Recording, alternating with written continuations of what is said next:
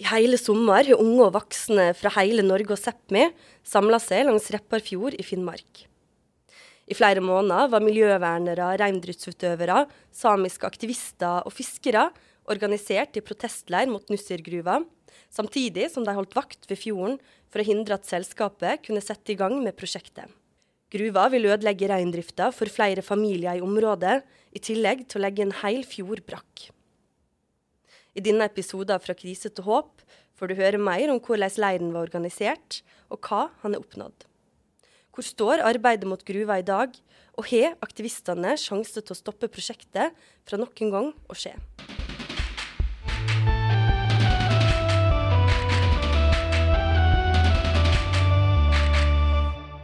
Hei og velkommen. I dag er vi to stykker fra redaksjonen, podkastredaksjonen i studio i dag. Det er meg, Sara. Jeg har vært med to episoder tidligere i podkasten. Jeg er samfunnsgeograf og har ganske mange år med bakgrunn fra bl.a. Natur og Ungdom. Jeg er i studio i dag sammen med deg, Ane. Ja, jeg er eh, sosiolog. Og så har jeg ganske mange år med bakgrunn fra Sosialistisk Ungdom. Og i dag så skal vi snakke om protestleiren på Markoppsynet ved Repparfjord. Denne leiren den var jo på plass i hele sommer. Og den var på plass for å hindre en kobbergruve som skulle bygges. Det er altså da Nussir ASA som har lyst til å starte en kobbergruve og gullgruve i Kvalsund i Vest-Finnmark. Og gruvemotstanderne de er redde for at denne gruven, og altså da dumpingen av gruveslammet rett i fjorden, kommer til å ødelegge alt livet i fjorden. I tillegg så er de også redd for konsekvensene det får for reinbeitedistriktene som er på området og rundt området der gruven skal bygges. Og bl.a. Natur og Ungdom varslet jo for ganske mange år siden at sist utvei i denne saken, det er sivil ulydighet for å stoppe prosjektet en gang for alle. Derfor måtte de sette i gang leiren i år, rundt rundt sankthans, fordi Nussir Asa de varslet om at nå starter vi prosjektet vi er klar og skal begynne å grave gruve i sommer. Og nå skal vi rett og slett få høre litt fra leiren. Vi har med oss en reportasje. Siden 21.6 har det ligget en protestleir på Markoppneset ved Repparfjord. Folk har kommet langveisfra for å delta på leiren for å holde fjorden rein og fjellet frodig. Ja, jeg heter da Odd Are Hansen. Jeg er 53, snart 54. Odd Are er en av aktivistene i leiren. Han har reist hele veien ifra Troms. Jeg bor i Tjeldsund kommune. Jeg er samisk og norsk. Selv om Repparfjord er langt fra Tjeldsund, har Odd Are vært her i flere uker. Ja, jeg er jo her for å eh, støtte motstand mot eh, den planlagte gruva her i, i Repparfjord. Når vi spør Odd Are hva det betyr for han å være i leiren, forteller han om det samiske og det personlige i saken. Nei, det betyr masse. Eh, jeg har jo, som same, så har jeg jo det samiske perspektivet veldig, eh, veldig, eh, veldig sterkt innpå meg. Og ser hvordan reindrifta sliter med å kjempe for å beholde beiteareal. Kamper som det samiske samfunnet har eh, måttet eh, slite seg gjennom i hundrevis av år snart. Videre så sier han at det handler om solidaritet. Som samisk her, som jeg er, så må man opp hit og støtte det samiske her. Fordi at eh, vi er en stor familie. må huske at Sápmi er et grenseløst område. Grensene har myndighetene satt. Protestleiren samler mennesker utover Sápmi fra hele Norge og andre land. Aktivistene forteller at de sitter igjen med sterke inntrykk, og det er vanskelig å beskrive den kollektive følelsen i leiren. Men også inntrykk fra personer for saken, og dype inntrykk som, som, som berører deg veldig. Som, eh, som jeg aldri hadde trodd jeg kom til å oppleve. Se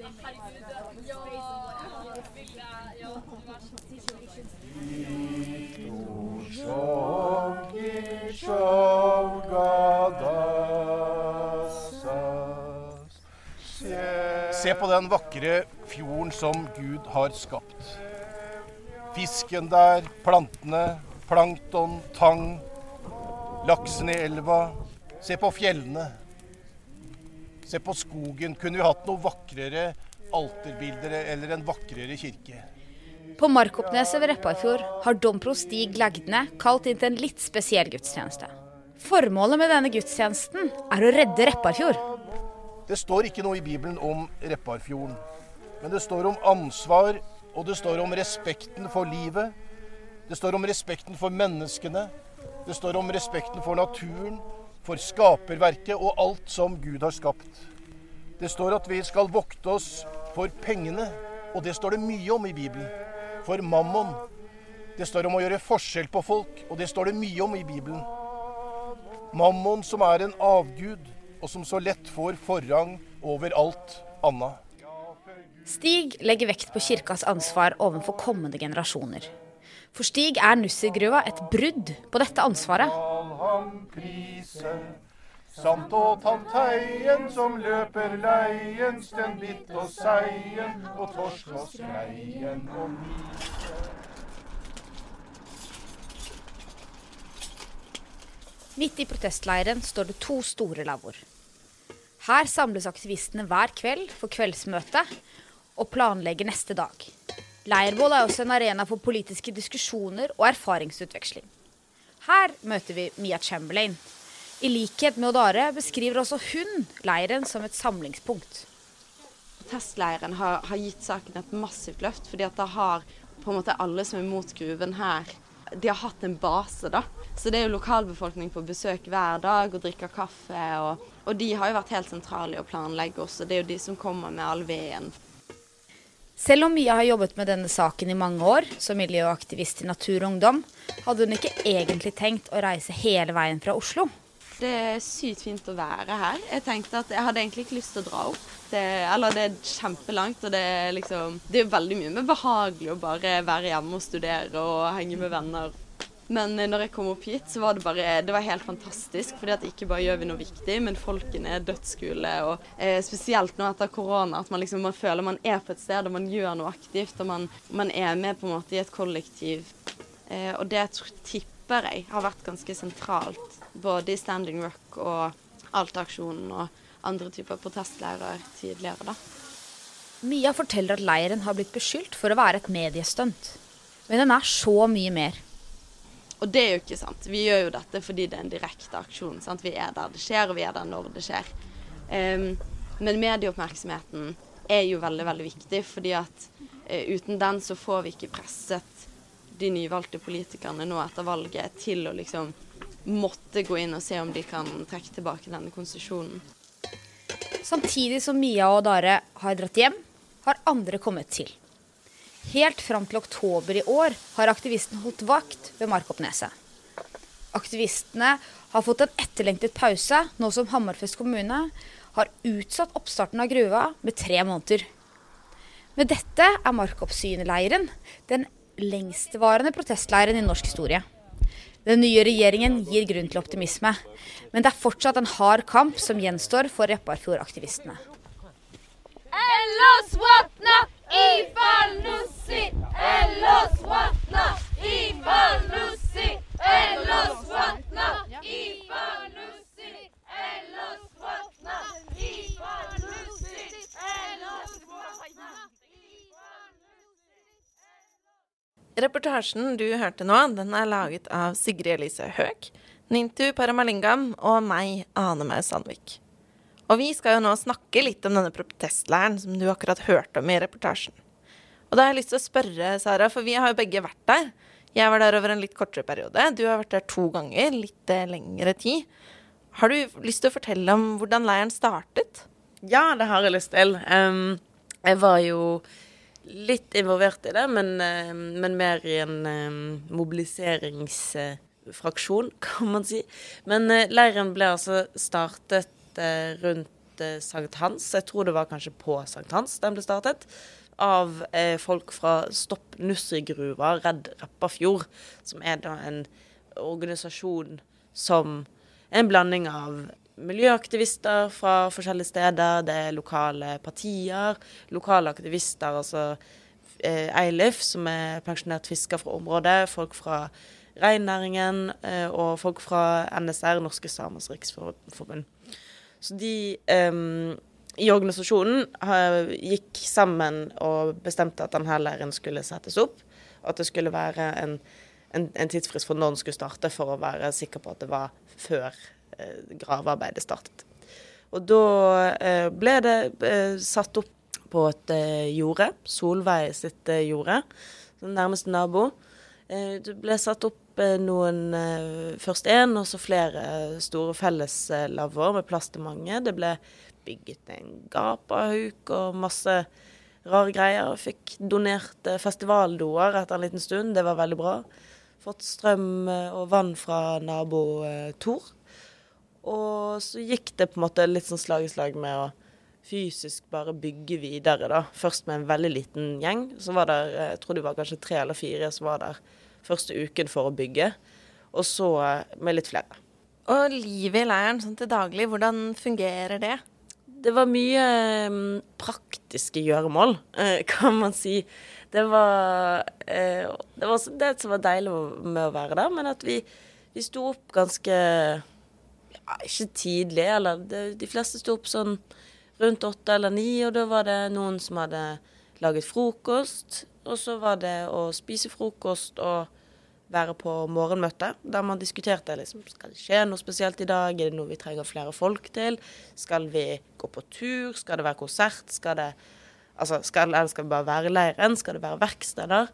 Og så eh, gikk det egentlig bare Det gikk mye tid med til praktiske ting, altså sånn eh, hente ved, le- fyre bålet, passe på at det aldri på en måte gikk ut. At man eh, alltid hadde kaffe på, på, på sjelen, på kokkaffe. Ja, at, at det var nok mat. Kanskje noen skulle handle. Og handle i Skaidi eller Hammerfest. Kanskje det var noen som måtte hentes. Og så, ja, hente vann. Vi- bar vann i vanndunker, og det var ganske sånn solid gjøremål, vil jeg si.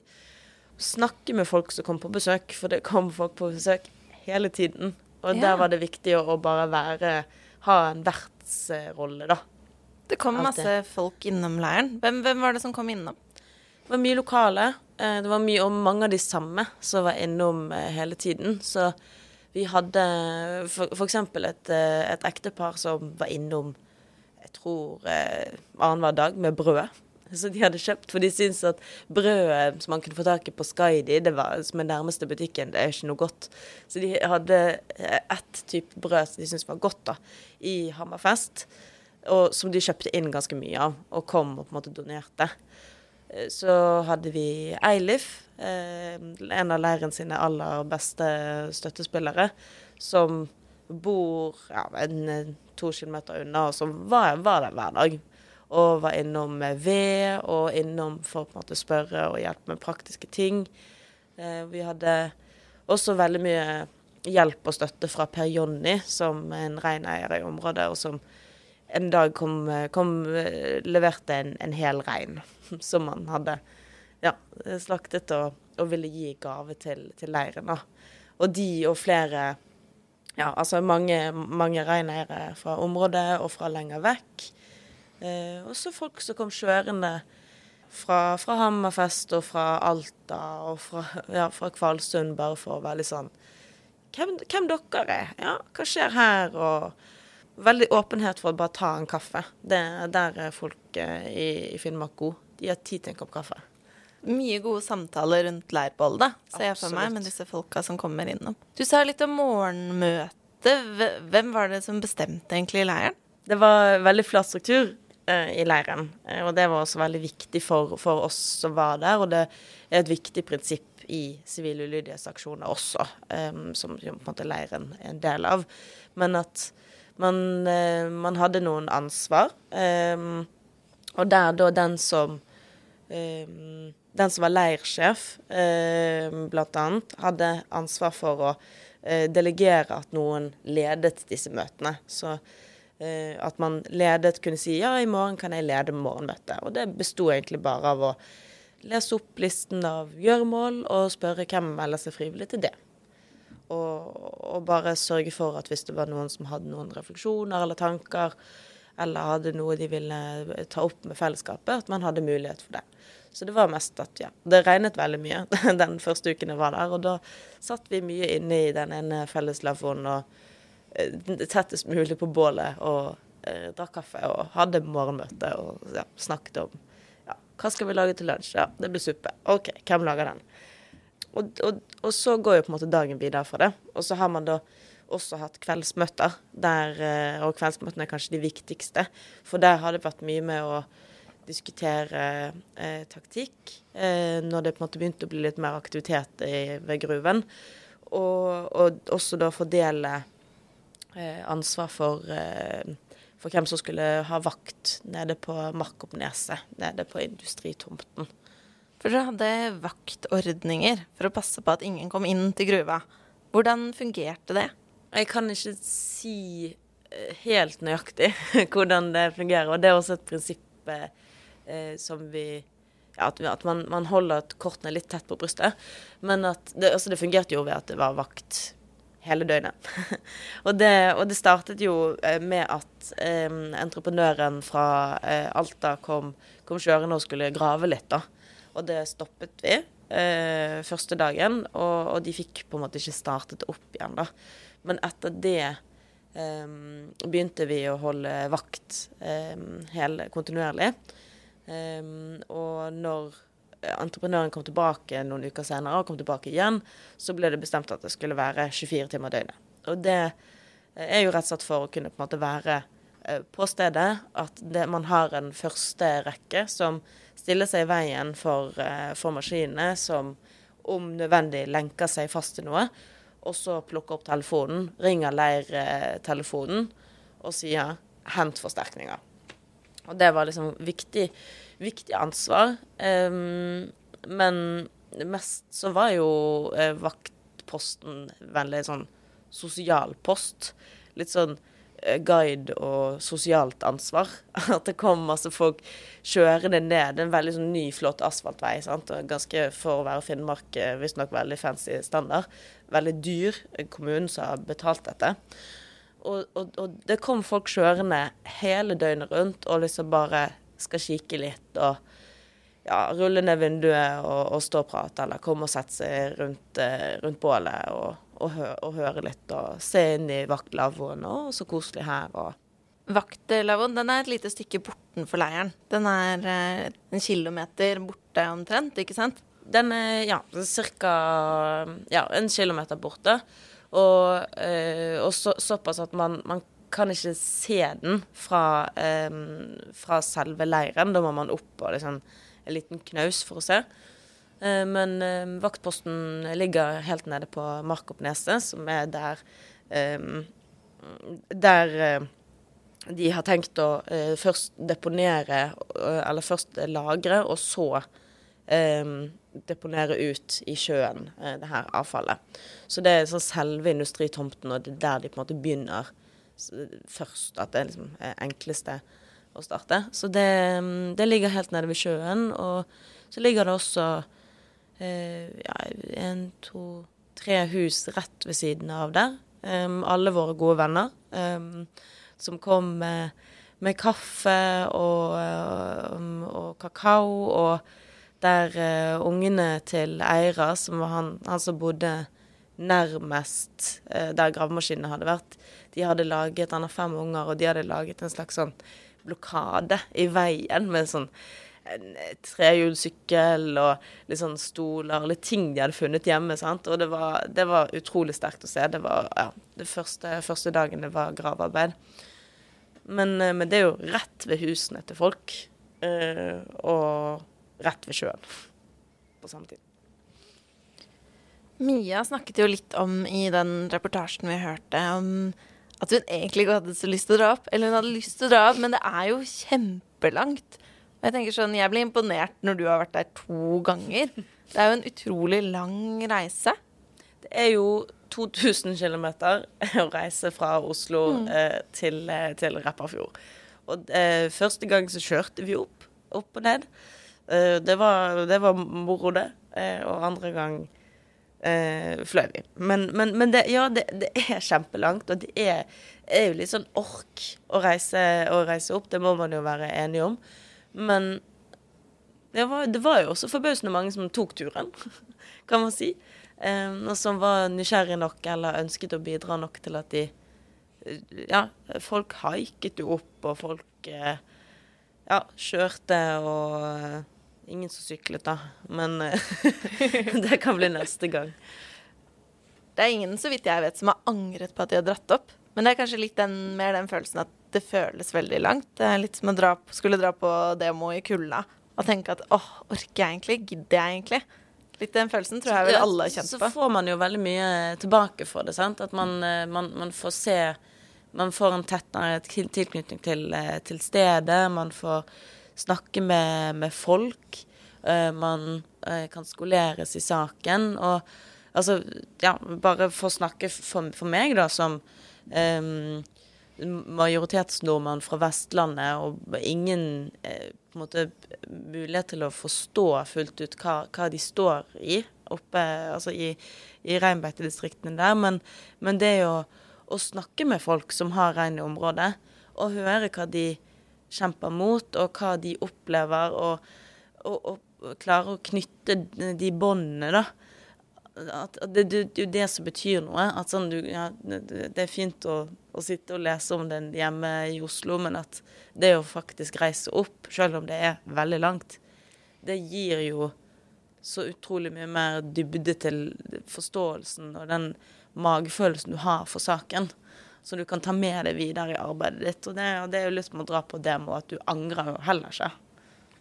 I media så har det jo kanskje sett ut som det stort sett har vært sånne som oss som har vært der. Litt sånn hipster-miljøvernerjenter fra Oslo. Var det bare Oslo-folk eller folk fra Bergen i leiren? Absolutt ikke. Eh, og det, og det syns jeg også var, var kjipt å se at de eh, ja, artiklene som ble skrevet, og særlig, eh, særlig de lokale avisene, de, de Man kan si noen av de er på siden til eh, Rushfeldt og vil ha denne gruven og er litt negative, men til, til oss og til aksjonismen. Men eh, det var, det var folk fra hele landet, det var eh, mange lokale. Det var, og mye sånn godt voksne lokale som var innom og hjalp, og som, som kanskje ikke sov i leiren, men som var innom hver eneste dag for å passe på.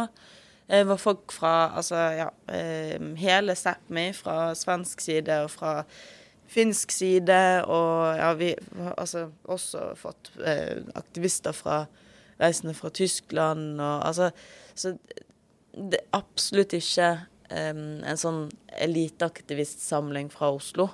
Men at det kanskje det ble seende sånn ut da, i, i de bildene som ble brukt i, av media, eller den, det narrativet som de valgte å på en måte fortelle om leiren. Da, for, og det er kanskje også for å delegitimere hele kampen og sier ja, ja, det var jo bare noen uh, jenter fra Oslo som, som de, de, de vet ikke hva de snakker om, de vet ingenting, kan verken regn eller gruve. De bare syns det er morsomt å bo i telt, på en måte. Men når jeg hører deg fortelle, og jeg har også vært der og vet at det er jo nettopp de lokale man er helt avhengig av, da. Det hadde ikke gått rundt uten de lokale. Hvis man ikke hadde vært være på det jordet, så hadde man ikke hatt noe leir. Hvis man ikke hadde fått tilbåret eh, ved og kaffe og brød og toaletter, så hadde Ja. man ikke kunnet ha leiren der i det hele tatt. Altså, det, ja, de toalettene, det, det var veldig viktig. Det var applaus til uh, mannen som eh, kom med tankbil for å tømme de. Men det hadde gått en uke på overtid. Det var, jeg tror nok første gang jeg har fått det, litt sånn eh, bølgen og applaus. Eh, men ja, det hadde ikke gått uten, uten disse her eh, gode hjelperne og eh, altså primus motorer i denne kampen. Altså bautaene er jo eh, Eilif, det er Per Jonny, det er altså Det er Åse Marie, det er Anie. Det er de som, som kjenner oss, og som kjenner saken, og som ja, altså, som også eh, sant? Men at de også kan be om hjelp. At de kan si nå trenger vi flere folk her. Vi er ikke nok folk til å ha den leiren alene. Nå, nå må noen reise opp. Og så, men at motsatt, uten de hadde det ikke gått i det hele tatt.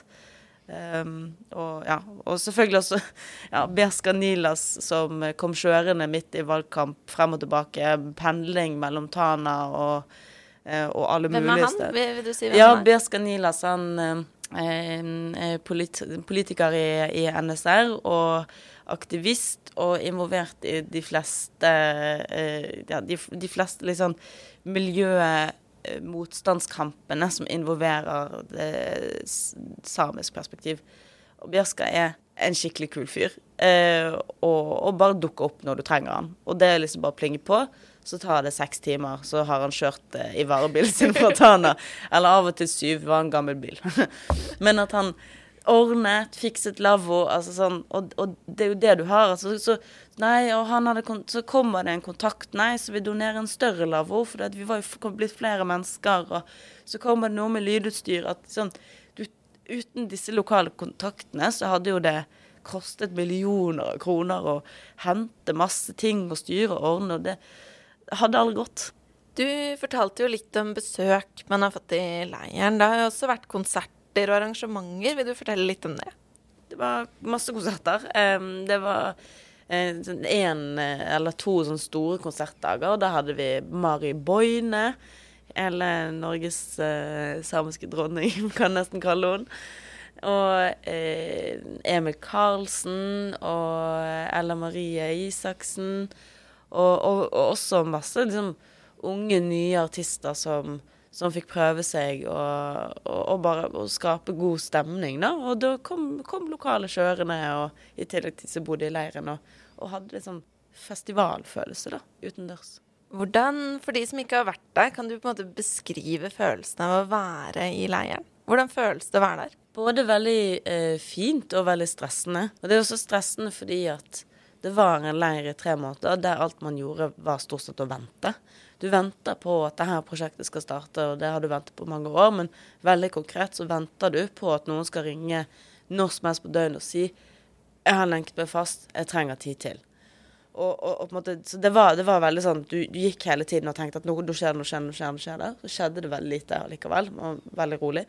Men samtidig, den sterkeste følelsen var kanskje den av, av samhold, og at vi, vi var der alle sammen for, for å gjøre noe, alle sammen, for å jobbe for den samme saken. Og at, at ja, man, man gjorde jo alt i, i gruppe eller i par, og at man eh, hjalp hverandre med å lage mat. Det, altså det, det er jo noe med det at du du deler praktiske gjøremål som bygger den sånn solidariske fellesfølelsen da, som man kanskje ikke har hjemme på, på hjemmekontoret sitt, eller liksom til vanlig, da. Følelsen av kollektivitet? Av å kjempe en kamp sammen, Rett og slett. Rett og slett. Ja. Ja, og det gjør det jo også Det å stå sammen gjør det lettere å se på en måte det store systemet. At du, du vet at det er, det er et politisk system som har godkjent denne gruven, som har sørget for at, den, at dette selskapet skal eh, potensielt få lov å ødelegge masse reinbeiteområder, og at de skal få dumpe masse kobber eh, og gullslam i en fjord. Det er jo et politisk system og et byråkrati som har godkjent det. Men at det blir enklere å se når man står sammen, at man ikke sitter nede i Oslo og tenker litt på det og leser en nyhetssak. eh, Men at man klarer å løfte det opp og klarer å lage et vi, et fellesskap. Ikke sant? Og da ser man jo også at det er ikke bare meg. Og det er så utrolig mange som er mot denne gruvedrifta, som nettopp miljøvernere, naturvernere, eh, samiske Altså som kommer sammen fra hele Norge, fra hele Sápmi, fra andre land, og kjemper denne saken sammen, da. Absolutt. Eh, og altså, Protestleir det er jo en veldig unik måte kanskje å organisere seg på, og organisere motstand. For det er jo en, en slags fysisk manifestering av motstand du skal yte, og også av løsningene.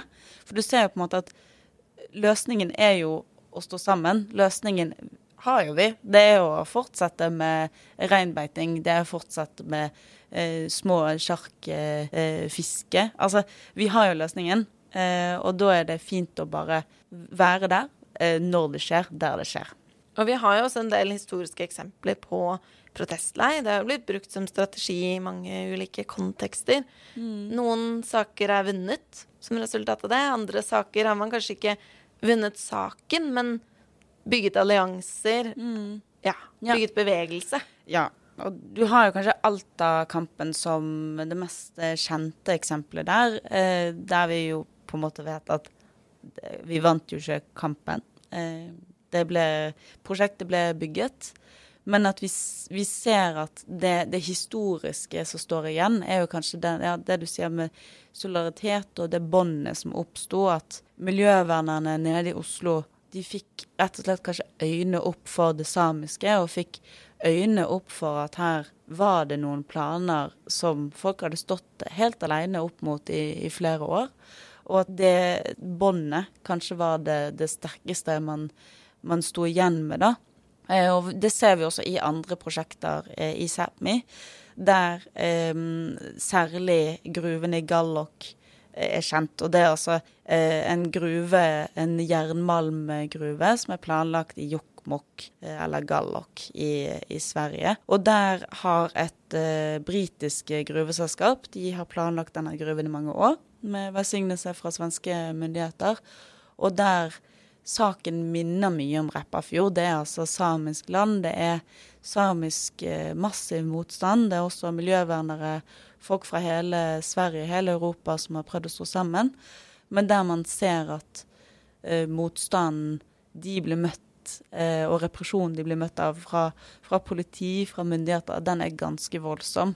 Og det er jo pga. tjeningen, pga kapitalen denne gruven kommer til å bringe det området potensielt. Og Vi ser jo også sånn flere fra, eh, fra våre samiske venner var jo i Standing Rock i USA, der eh, det også var en fysisk protestleir som varte over veldig lang tid.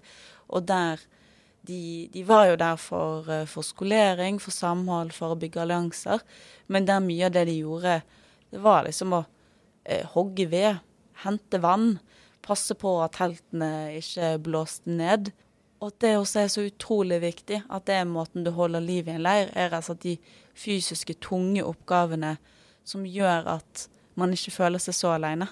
Ja, og det tenker jeg er så vakkert da, og så viktig. Nettopp den solidariteten mellom urfolk. Eh, zapatistene er jo på europaturné nå. De er jo en eh, urfolksgruppe, urfolksbevegelse fra Mexico, eh, Chiapas, som nettopp kjemper for autonomi, for å kunne ha selvråderett over sine egne områder. Og mot den fremdeles pågående kolonialismen, kolonialiseringen og imperialismen da, som de opplever. Og de skulle jo egentlig reise til protestleiren i Repparfjord, men pga. pandemien så kom de ikke inn i Norge. Det nærmeste de kom, det var Finland, og så viste de solidariteten sin derfra. Men egentlig skulle de til Repparfjord for å støtte opp. Og nettopp for å vise da, at dette er, dette er ikke samisk kamp, dette er ikke zapatistkamp, dette er urfolkskamp. Og nettopp å ta det opp på det internasjonale nivået der, det er kjempeviktig. Og det er jo eh, noe av, eh, av det jeg har blitt kjent med eh, fra nye samiske venner, både i Repparfjord og andre steder, at man har nettverk av urfolksgrupper, og man har nettverk av urfolksaktivister som går over hele verden.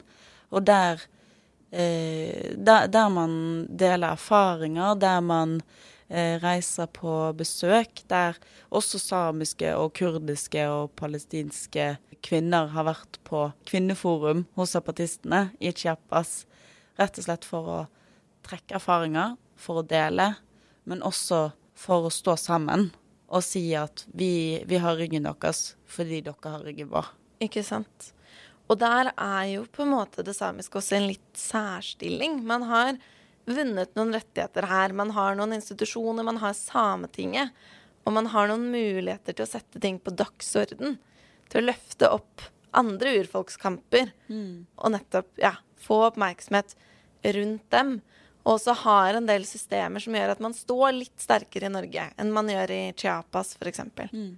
Og på den måten så kan det samiske være med å løfte opp det zapatistiske. da. Og, og den her solidariteten den bygger jo på at selv om vi yter forskjellig type motstand, eh, for det gjør jo de forskjellige urfolksbevegelsene, og kjemper mot forskjellige fiender, så er det et fellesskap, og vi står alle sammen i den samme kampen. Enten man er eh, maya, om man er kurder, om man er samisk, så står vi i den samme kampen. Men da er vi også nødt til å knytte båndene som gjør at vi holder sterkere fast. Ja, og apropos at man på mange måter står sterkere i Norge, da. Jeg tenker jo at vi heldigvis er i en annen posisjon. Som gir et annet rom til å drive med den politiske aktivismen som vi gjør. Til å ha den protestleiren som vi har. Da jeg var på brigade i Mellom-Amerika, så var jeg jo innom og besøkte en protestleir i Guatemala, La Puya, som egentlig er veldig lik eh, protestleiren i Repparfjord, da. Som handler om organisering mot en gruve som skulle hente ut mineraler. Som handler om å beskytte vannressurser og beskytte livsgrunnlaget til urbefolkningen, lokalbefolkningen der. Og som også hadde veldig, ja, veldig lik organiseringsform, veldig lik følelse å være der. Som å være i Repparfjord. Det var det samme kollektivet, det var det samme.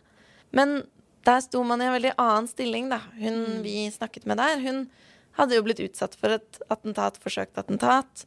Blitt skutt i ryggen tre ganger. Man vet jo ikke om det var gruveselskapet som sto bak, men noen var leid inn for å skyte henne, rydde henne av banen, rett og slett.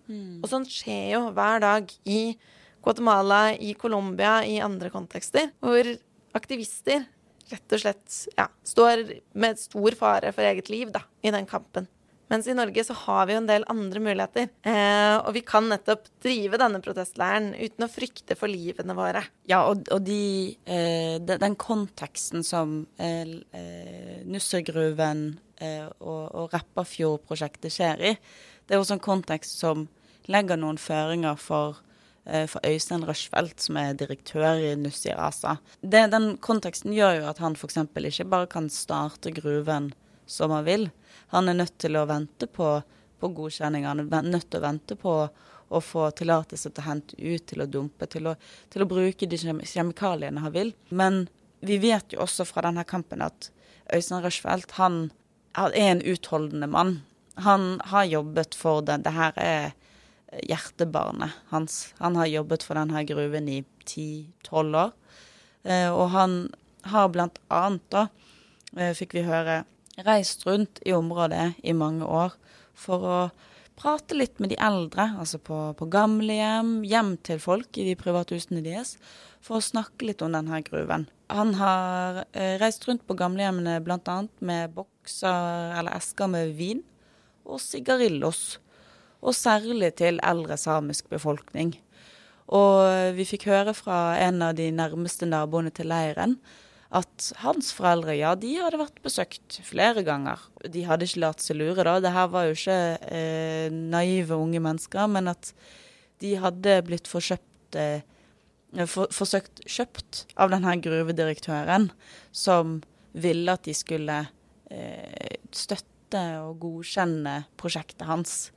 Og det kan man jo si at er en ganske skitten måte å, å, å, drive det prosjektet på. At du, du reiser rundt i et samisk område og, og rett og slett bare prøver å kjøpe deg til vennskap.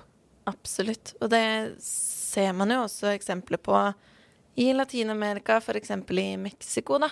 Zapatister, urfolk blir tilbudt egentlig velferdstilbud, som de burde fått i utgangspunktet av staten. Blir de tilbudt i en slags byttehandel mot å ikke være en del av zapatistbevegelsen. Det blir bygget hus hvor eh, her kan dere få lov til å flytte inn, her kan dere bo. På en måte for å prøve å rive bevegelsen fra hverandre, da.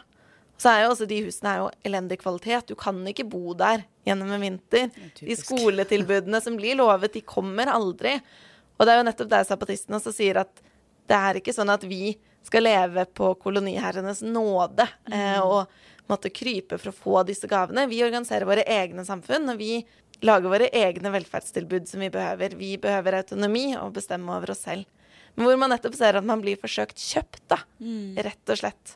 Og det var det flere, ja, flere reineiere fra, eh, fra Fjetter og Fala-distriktene rundt som sa at de har vært på treretters middag på hotellet på Skaidi og fått påspandert med fri bar fra Øystein Rushfeldt. Eh, rett og slett i et forsøk på å blidgjøre de, eller liksom smøre de til å si at ah, ok, det går greit da, hvis vi mister alle beiteområdene våre, så går fint det, så lenge jeg får en middag. Og det er jo litt latterlig å gå Det er en latterlig framgangsmåte, kan man kanskje si. Ja, ikke sant. På en måte så ja, man, møter denne smøringen. Og så på den andre siden så har man jo også møtt ganske mye motstand. Og ganske mye egentlig brutal motstand. Det skjedde en del hærverk i leiren, f.eks. Ja. Og når jeg var i leiren, så var hærverket litt sånn småtterier, da. Og gjerne litt sånn fulle, fulle ungdommer som kjørte forbi. Sånn tagging av bannere og opprevne bannere. Og det er litt ekkelt, men det gjør på en måte ikke så veldig mye. Men innen den siste tiden leiren eh, var i gang, så var det bl.a. hærverk på en lavvo der det sov folk. Der noen midt på natten begynte å skulle ta ut stengene som støttet lavvoen opp, og på en måte prøve å rive den ned. Og det var jo en utrolig ekkel opplevelse for disse her fjordvokterne som lå og sov, og som plutselig begynte å, å merke at lavvoen ikke sto trygt lenger. Um, og I tillegg så har det jo kommet eh, trusselbrev, bl.a. et eh, brev eh, der det var eh, trusler om å spre gyrosmitte, som er en sånn biologisk våpen. Det eh, har jo åpenbart ikke skjedd, men, men det viser kanskje det at folk har vanvittig mye følelser investert i denne saken. Enten de er eh, gruvemotstander og miljøverner, om de eier rein i området, om, de, om det er hytten deres der, eller om de har lyst på gruven fordi at de tenker at her kan det komme arbeidsplasser. Ja. Da har vi jo snakket en del. Det er jo mye vi ikke har snakket om, selvfølgelig. Men vi må begynne å runde litt av. Men da lurer jeg litt på sånn Kanskje du kunne sagt litt, Sara, om hva som er status nå for protestleiren og for saken? Leiren har en liten pause nå. Eh, og det var en ganske etterlengtet eh, pause, men den, den står på hvil eh, fordi Hammerfest kommune heldigvis eh, utsatte oppstarten til denne gruven. Fordi når Hammerfest kommune kom med, eh, med oppstartstillatelse i, i rundt juni, da klagde bl.a. Naturvernforbundet, Redd Repparfjord, Naturungdom og flere eh, altså naturorganisasjoner og ja, eh, laksefiskeinteresseorganisasjoner, mange andre, de klagde inn saken og sa at her mener vi at naturmangfoldet eh, ikke er kartlagt godt nok. Altså kartleggingen av naturen både i deponiområdet, men også i altså hele gruveområdet, den er ikke gjort godt nok. Det viste seg å være eh, riktig, eh, og som leder i Naturungdom kunne si til NRK, det er jo litt skremmende å tenke at det er så lett å finne en feil, men der feilen har liksom blitt godkjent Mm. gjennom instans og instans. Men altså der Hammerfest kommune har sagt at eh, OK, da uh, må konsekvensutredningen skje på nytt, og en artskartlegging av området må skje. Og det er jo veldig bra. Uh, så det betyr at uh, protestleiren får en pause på tre-fire måneder kanskje, og at man kan bruke den pausen til å jobbe mot gruven på andre måter, og til å fortsette å bygge saken som, som en ny ja, politisk eh, brennhet potet. Og der er vi også så heldige at vi har fått en ny regjering, som kanskje kan eh, hjelpe noe der. Samtidig som vi er jo klare til å dra opp med en gang det skulle være behov for en ny protestleir, eller at protestleiren fortsetter. Har eh, kjeledressen pakket, og har strikket meg en varm og god lue som er klar til aksjon. Du har hørt del én av serien Kampen om Repparfjord i podkasten Fra krise til håp fra Norges sosiale forum. Serien er laga i samarbeid med Latinamerikagruppen i Norge. Er du spørsmål til denne episoden, kan du sende det til podkast.globalisering.no. Flere episoder hører du der du hører podkast.